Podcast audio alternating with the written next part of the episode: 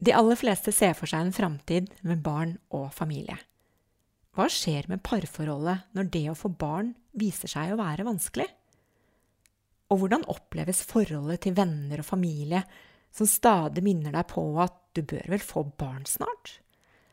Og hva gjør en voksen kvinne når livet må defineres på nytt fordi ingenting ble slik hun hadde planlagt og håpet? Dette kan du lese mer om i boken Barnløs Boken kan bestilles i bokhandelen. Du kan kjøpe den portofritt på barnløs.no. Og hvis du sender meg en e-post, så kan jeg skrive en hilsen til deg i boken. Da sender du til boken barnlos i ett ord at gmail.com.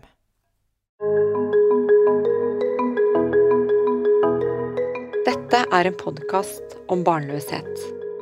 Jeg ønsker å finne svar på hvorfor temaet er så viktig for oss. Jeg vil grave frem fakta på området, og ikke minst dele de viktige historiene bak. Jeg er Cecilie Hoksmark, og mitt mål er større åpenhet. Bra! Der starter vi. Og i dag så har jeg fått med meg psykolog og professor. Han er også foredragsholder og har skrevet mange bøker, bl.a. Eh, 'Kunsten å være voksen'. Og jeg er sikker på at eh, mange kjenner deg igjen fra den ukentlige samlivsspalten i A-magasinet. Så velkommen til deg, Frode Tuen. Tusen takk for det. Og jeg har invitert deg for å snakke om motstandsdyktighet eller resiliens. Jeg er litt usikker på om jeg uttaler det riktig, faktisk. Er det riktig? Ja, det tror jeg ja. det høres riktig ut i mine ører, i hvert fall.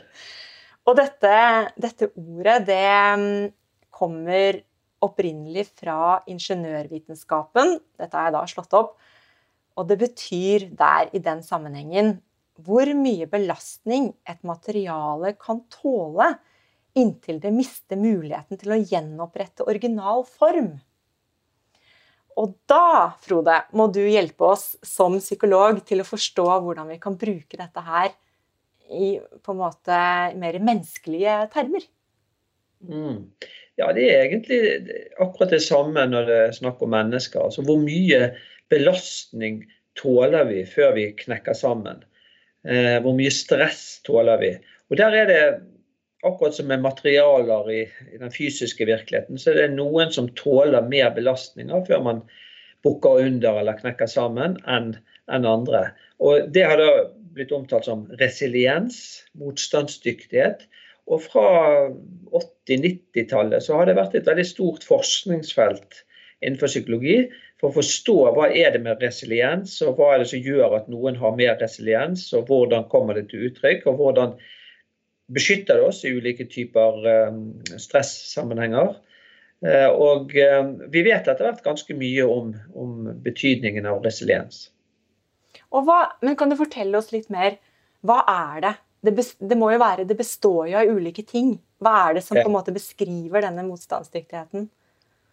Ja, altså det, det vanlig å tenke om det som, som, noe som handler om indre ressurser og ytre ressurser. Og De indre ressursene det er eh, hva skal vi si, personlighetsmessige faktorer, egenskaper. F.eks.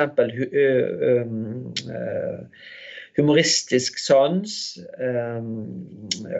positivitet, optimisme, kreativitet, et godt selvbilde ja, sånne egenskaper som, eh, som, man har i større eller mindre grad.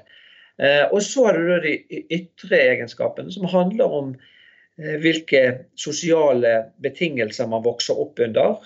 Om man har en omsorgsfull og forståelsesfull, ivaretagende familie rundt seg. Eller om man har venner, man er godt integrert i et vennemiljø. at man er aktiv på fritiden og har masse folk som man kan spille på der, og som, som er der for en og, og, støtter en. Så det er både de medfødte egenskapene, men også egenskaper som er knyttet til hvilke erfaringer man gjør seg i livet, og hva man har av ressurser rundt seg. da. Altså, jeg har tenkt på det. Um, at dette er jo en såpass viktig kunnskap og lærdom. Og vi, vi burde ha glede av det alle sammen og kunne forstå vår egen motstandskraft bedre. Hva, hva, hva, tenker du, må vi være spesielt interessert i for å lære dette her, eller kunne ikke dette være noe som på en måte var litt sånn allmennkunnskap? Ja, altså det er jeg enig med deg i at det burde være, og, og, og, til en viss grad er det jo det også. For det, mye av dette er jo sånn gammel kunnskap eh, som man liksom har eh, samlet i dette resiliensbegrepet. Så det er jo for så vidt litt sånn, eh, hva heter det, same shit, new wrapping, eller gammel vin på nye flasker. Eh, så det er ikke en fullstendig ny innsikt, men man har sett betydningen av denne typen egenskaper, og man har eh, på en måte sammenstilt hva er det som eh, til sammen utgjør en sånn motstandsdyktighet.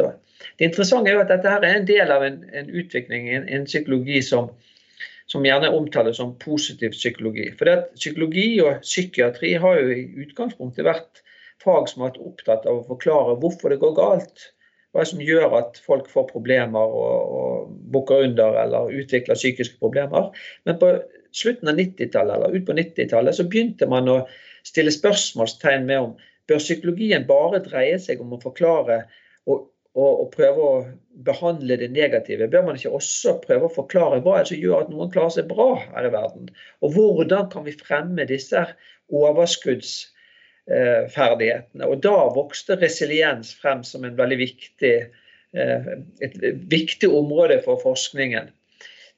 Sammen med andre liksom, positive psykologiske fenomener som takknemlighet og tilgivelse og selvmedfølelse og sånne ting. Tenker du at eh, det er forskjell på kvinner og menn når det gjelder å ha god og dårlig motstandsdyktighet? Eller tenker du at vi individer er så ulike uansett at det spiller ingen rolle hvilket kjønn det er? Ja, altså Kjønn er nok ikke noe veldig viktig faktor når det gjelder uh, resiliens. Så både kvinner og menn kan ha mye av det eller være motstandsdyktige, og de kan ha lite av det. Men ellers er det jo selvfølgelig en god del forskjeller på kvinner og menn. Um, hvis vi går ned på litt mer sånn mikronivå eller på mer sånn avgrenset områder. F.eks. når det handler om eh, håndtering av følelser, eller det å kunne snakke om følelser, som også er et aspekt det, ved det.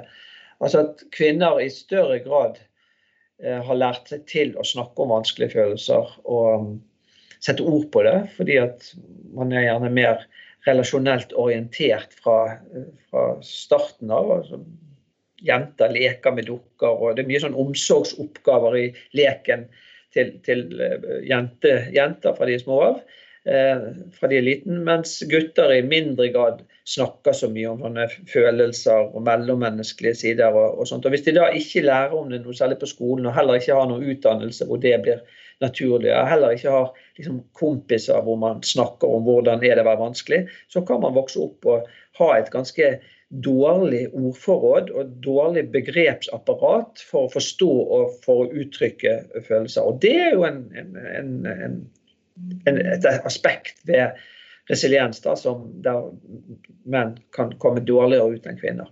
Men som sagt, resiliens består av mange egenskaper, og det er ikke noen sånn utpreget uh, forskjell mellom kvinner og menn hvis vi ser hele begrepet under ett.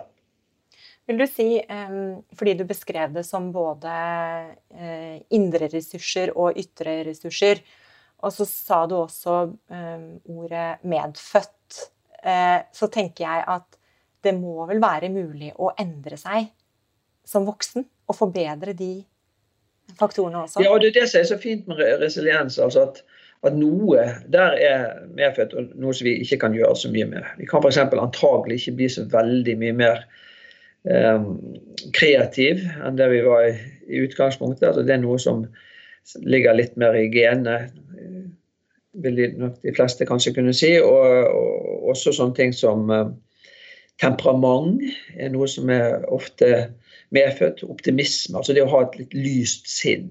Det ser ut til å være mer eller mindre medfødt. Men så er det andre ting vi kan, vi kan eh, gjøre noe med selv, eller ved å et gjøre erfaringer. F.eks. at eh, selvbildet vårt vil være avhengig av hvilke erfaringer vi gjør oss, og hvordan vi blir møtt av omgivelsene våre. og sånt. Men òg hvordan man reflekterer og hvordan man tenker om sitt eget liv og sine egne, sine egne livsbetingelser, vil være med på å styre resiliensen. F.eks. dette med takknemlighet. Det er ikke noe som er medfødt. Men vi kan lære oss til å bli mer opptatt av og mer orientert om eh, at vi egentlig har det ganske bra eh, på mange områder. F.eks. så er det jo hvis man er frisk så går man gjerne ikke så mye rundt og er takknemlig fordi at man er frisk. Det er først når man blir syk eller skadet, da begynner man å tenke oi, her gikk jeg alle disse årene og var helt frisk og klarte ikke å glede meg over det. Men hvis man klarer på en måte å foregripe den Altså at man ikke trenger å, å miste helsen før man gleder seg over den, så vil det bidra til at man er mer motstandsdyktig i møte med, med utfordringer. Den svenske filmen som heter eh, 'Mitt liv som hund', som mange har sett, der har de en sånn uttrykk som heter 'man måste jamføre'. Altså, vi må sammenligne. Og Hvis vi sammenligner oss med folk som har det veldig ille, eller som har det mye mer verre enn oss, så er det òg lettere å, å romme de utfordringene vi selv har. Så denne evnen til å tenke positivt, evnen til å sammenligne seg på en positiv måte og til å være takknemlig for det man tross alt har som er bra, det er jo noe man kan lære seg til. Eh, og som i høyeste grad kan bidra til å øke resiliensen vår. Så regner jeg med da, Frode, når du er psykolog, at du har tenkt igjennom din eh, egen motstandskraft. Og eh, har du noe du selv kunne tenke deg å jobbe mer med? Ja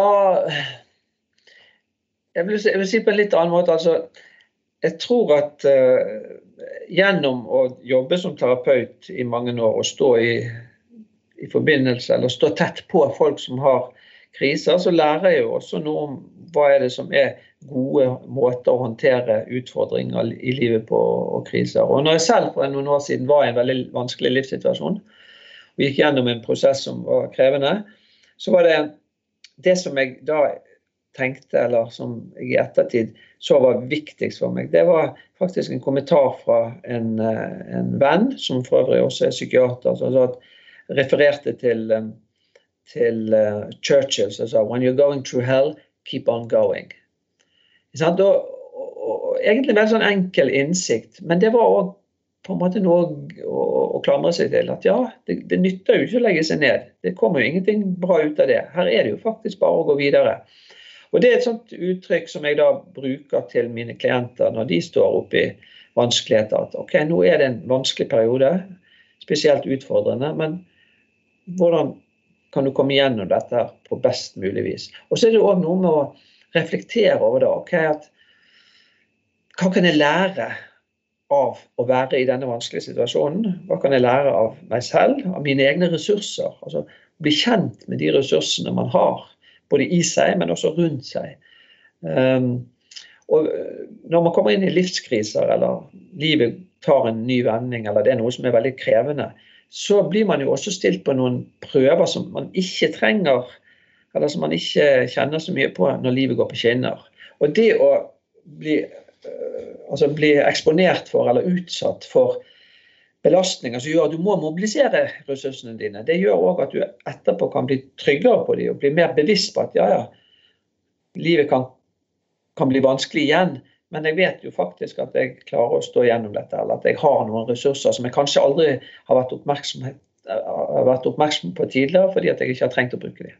Så det kan vokse frem mye positivt også av det å gå gjennom vanskeligheter. Man har jo dette uttrykket som heter eh, traumatisk vekst. Eller posttraumatisk vekst. Altså når du går gjennom en, en, krise eller et traume som kan være veldig, veldig vondt og vanskelig, så kan man også komme ut på en måte rikere eller sterkere. Eh, mer innsiktsfull. Eh, og med en dypere forståelse av meningen med livet og din egen ditt eget liv enn en, en før man kom opp i den situasjonen. Så den typen holdninger og erkjennelser og erfaringer kan bidra også til å øke resiliensen i høyeste grad. En bevisstgjøring på hvordan du fungerer i en krisesituasjon. Ja. kanskje, Og at man tar det med seg videre og, og, ser, og liksom analyserer litt tilbake hvordan man faktisk ja. taklet det. Ja, og så vil man jo gjerne takle det litt dårlig og litt godt. Og så er det noe med å tenke gjennom hva var det som var bra? Hva, hva fungerte bra? Når hadde det bra, og når fungerte det dårlig? For eksempel, noen vil oppdage at det som kanskje var det aller viktigste for meg, det var at jeg begynte å trene. Jeg begynte å løpe. Eller jeg begynte på et helsestudio eller noe sånt. Ok, Da har man gjort sin erfaring om at det er en, en, et redskap eller en, en reaksjon som er, er, nyttig for meg.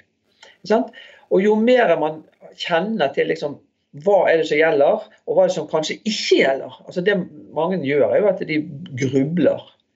De begynner å tenke veldig veldig, veldig mye på hvorfor ble det sånn, og hva kan jeg gjøre, og alt det der. Men den grublingen er jo ofte Det ligger sjelden løsning i grubling. Grubling er snart tvert om. Det, altså det er sjelden løsningen, men det er ofte problemet. Sånn at det å erkjenne det at ok, jeg brukte mye tid på å gruble, og det kom aldri noe godt ut av det, snart tvert om, da har man jo også gjort seg en erfaring som kan være nyttig i neste runde, hvor man vet at ok, la meg ikke gå ned den grubleveien, for der, der har jeg vært før, og der kommer det ikke noe godt ut av. Du, i, og med at du er um, parterapeut, så må jeg benytte anledningen til å snakke litt om paret også. Og jeg tenkte på det i går, og det kan hende at dette er helt feil. Men nå har vi jo snakket om resiliens for individene. Men man kunne jo også tenke seg at man hadde en slags motstandskraft i paret også, som på en måte har sin egen sone med to individer. Og du nikker du, så da tenker jeg at da er jeg på rett spor. Ja, ja. Absolutt. Absolutt. um, og hva er det som kjennetegner par som viser stor motstandskraft, og som takler da stress godt? Ja, la meg først begynne altså, med betydningen av, av, å ha et godt parforhold. For det er jo òg en resiliensfaktor for den enkelte. Altså det å komme hjem til en forståelsesfull ektefelle eller partner som, som bryr seg, og som du kan hvile deg på eller lene deg til, og gråte på skulderen til eller bli trøstet. Det er noe av det viktigste som man kan ha. Så det å ha gode, nære, trygge, omsorgsfulle relasjoner, det er en vesentlig del av, av hele resiliensbegrepet eller fenomenet. Men så er det òg det som du spør, altså kan et, et, forhold i seg selv på en måte være mer eller mindre resilient, hvis jeg forstår det riktig. Ja? Eh, og, og det kan jo helt opplagt. Altså, et godt fungerende parforhold, der vil man støtte hverandre, og man vil være hele tiden ha den tryggheten om at ok, vi, vi er for hverandre, vi er team. Og når vi er team, så står vi ikke alene om dette. Vi går sammen gjennom det som måtte være utfordrende. Men noen par har jo enten ikke den tilliten i bunnen. altså De stoler ikke helt på hverandre om de egentlig er på, på samme kurs. Eh, eller de har ikke det repertoaret av uh, ferdigheter, sånn at de ikke klarer å, å bekrefte hverandre og hjelpe hverandre. Uh, eller de har kanskje ikke helt viljen til det. De tar hverandre litt for mye for gitt. Eller de kommer i hvert fall lett inn i, inn i spor hvor, hvor man istedenfor å støtte hverandre, begynner å hakke på hverandre. Eh, sånn at et parforhold kan ha en tilbøyelighet til å spille hverandre god. Altså få frem de gode egenskapene hos hverandre. Men de kan òg spille hverandre dårlig. Få frem de dårlige sidene. Mistenksomhet og irritasjon og forakt. og uh, sinne og sånne ting. Og det er klart at Hvis et parforhold er preget mye av dårlig kommunikasjon og dårlig altså manglende grunnleggende tillit til hverandre, så er det jo mye mye lettere for at man kommer inn i et sånt spor hvor man spiller hverandre dårlig. Eh, og Da er ikke forholdet eh, en resiliensfaktor, men tvert imot. Tvert imot det motsatte. Du har utfordringer på jobb eller hvor som helst. Kommer hjem og skal gå til på skulderen til partneren, og så blir du bare møtt med, med formaninger eller uh, blir avvist. Så bør det enda verre. Så et parforhold kan bidra positivt, men det kan også legge til, stener til byrden. Mm. Du er ja, Din faglige interesse, kan vel kanskje si, kompetanse, det er sosiale relasjoner i familien. Og nå skal du få noe å bryne deg på, Frode. For nå skal vi snakke om eh, de single som altså bor alene og ikke har barn. Og det gjelder jo i og for seg meg selv, og det gjelder sikkert mange av de som lytter på også. Og det som eh, vi har observert, det er jo at i den siste tiden, som da er koronasituasjonen, så har det jo vært et enormt fokus på denne barnefamilien. Altså hvordan skal de få denne hverdagen til å gå i hop? De skal ha hjemmeskole, hjemmekontor.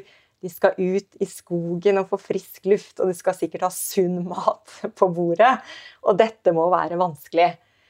Men det jeg har tenkt på, er jo at dette er jo en slags eh, struktur.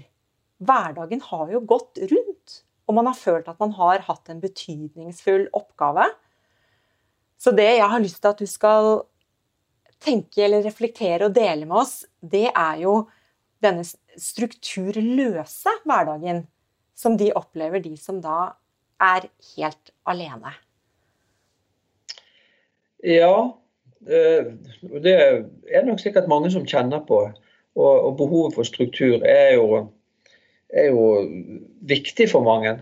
Sånn at, eh, at, vi vil se mer eh, ensomhet. og Nå har det jo kommet noen eh, indikasjoner på altså at du har flere henvendelser til sånne Kirkens SOS, altså en sånn krisetelefon. Og det er også flere som, som snakker om selvmord og sånn. Sånn at i strukturløse tider så er det jo òg lettere for å miste fotfestet.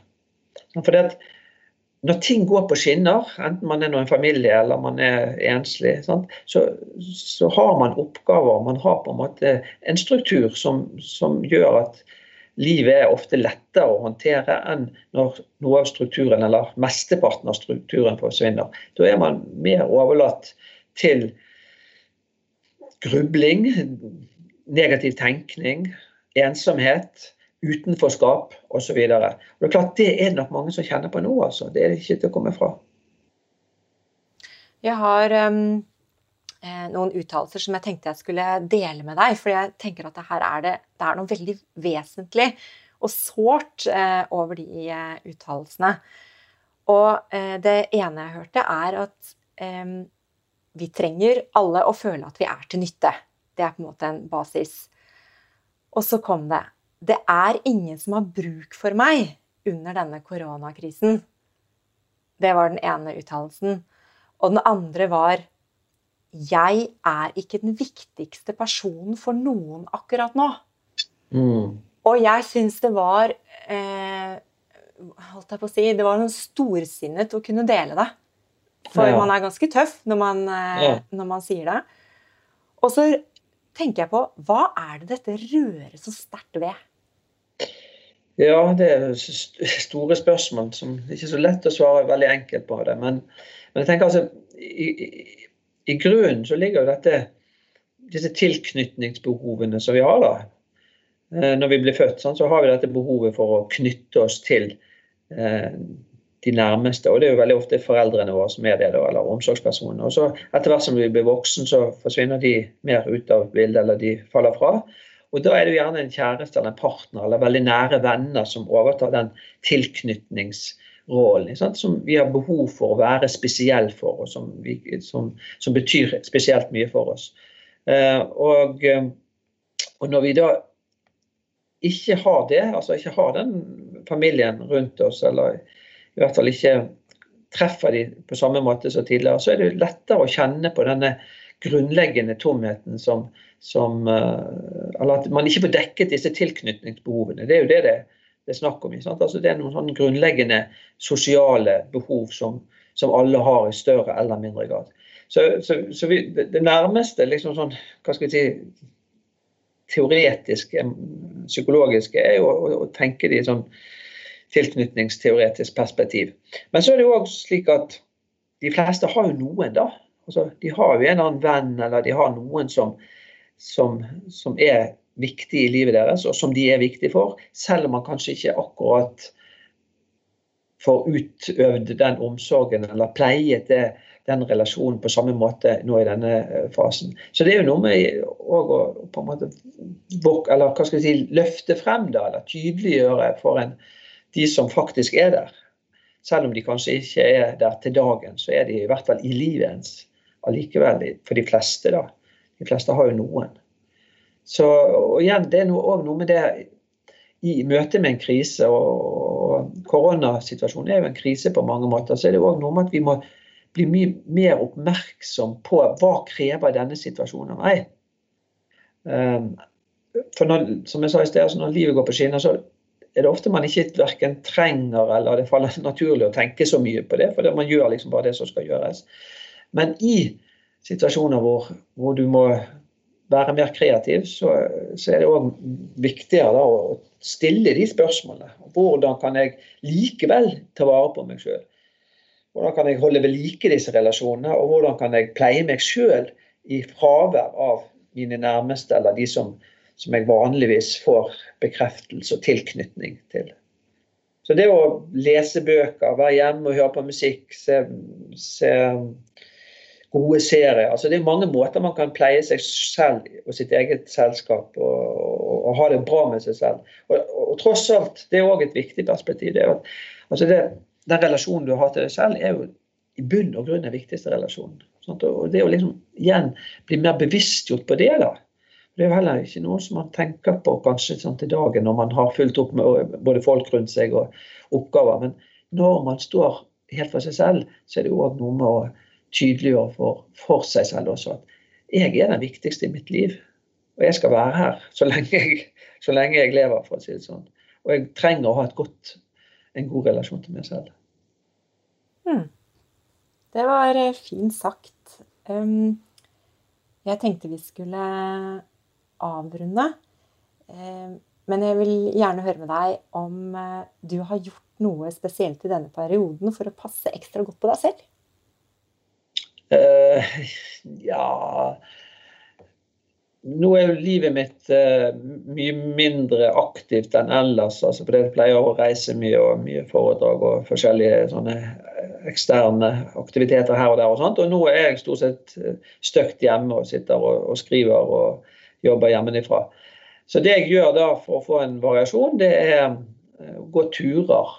Jeg er veldig glad i å gå på tur, jeg er glad i naturen, så da blir det turer i naturen stort sett hver dag. Og så pleier han noen familiemedlemmer å lage middag til min kone som kommer hjem. Og, så da er jeg liksom på om, omsorgssiden og ja, en sønn som uh, ikke vært på skolen på noen uker, og sånt, som får frokost og lunsj på, på sengen. og sånn. Så jeg gjør litt sånne, sånne hyggelige ting, da. Men, um, og, men, det går bra. Og vi snakker om det òg, at på mange måter så er denne koronatiden en, en, en litt bra tid, fordi at vi nå er vi på en måte mye, mye mindre aktiv enn det vi vanligvis er. Og vi får tid til å både pleie oss selv, men òg pleie hverandre. Og det er på mange måter en, en rik og fin tid også. Mm. Helt, helt til slutt, så um, hvis du har noen eh, eh, å dele med tanke på hvordan håndtere stress, hvis du skulle nevne noen få ting, hva er det som er liksom gullkornene her? Nei, Det er jo litt det vi har vært inne på. altså Det, det, det å bruke disse ressursene. altså prøv, Bli oppmerksom på, bli bevisstgjort på hva er mine ressurser, eh, og hvordan kan jeg bruke dem? Hva skal til for at jeg skal eh, kunne bruke dem så godt som mulig? F.eks. Nevnte med å, å, å trene. Altså, veldig mye undersøkelser viser jo at det er godt både for kroppen og for sinnet. og det er stadig mer undersøkelser som viser det. Men mange er jo synker ned i en slags sånn resignasjon eller latskap eller hva det nå er, som gjør at man på en måte ikke kommer seg av gårde. Så, så, noen ganger så er det jo egentlig bare å løfte seg litt etter håret eller dra seg litt etter håret. Eller nå må jeg på en måte ut av, av denne passiviteten og denne hangen til negativ tenkning eller grubling og sånt. At det er ikke der løsningen ligger. Så det å altså forholde seg aktivt i møte med den utfordringen eller de utfordringene man står i, og og prøve å bruke både tidligere erfaringer, hva vet jeg om hvordan jeg har håndtert stress og, og vanskelige perioder før. Men òg hvem kan jeg spille på? Sånn mange av mine pasienter eller klienter som, som går gjennom kriser, som ikke og særlig menn, kanskje, som ikke er åpne overfor uh, venner og, og sånn, fordi de er redd for å miste ansikt. Sant? Redd for å vise at de er hjelpeløse eller sårbare. Da må de utfordre seg på det. da, så at ok, Kanskje jeg trenger å si, si, fra til, til, noen hvordan jeg faktisk har det nå. At jeg trenger å, at noen viser meg omsorg, og trenger å, at noen, noen, viser at de bryr seg osv. Så videre. sånn at det er noe med å prøve å sprenge noen grenser og noen barrierer som man har, sånn at man kan i større grad finne bedre måter å, å møte det på og, og være mer motstandsdyktig mot, mot, det man står oppi.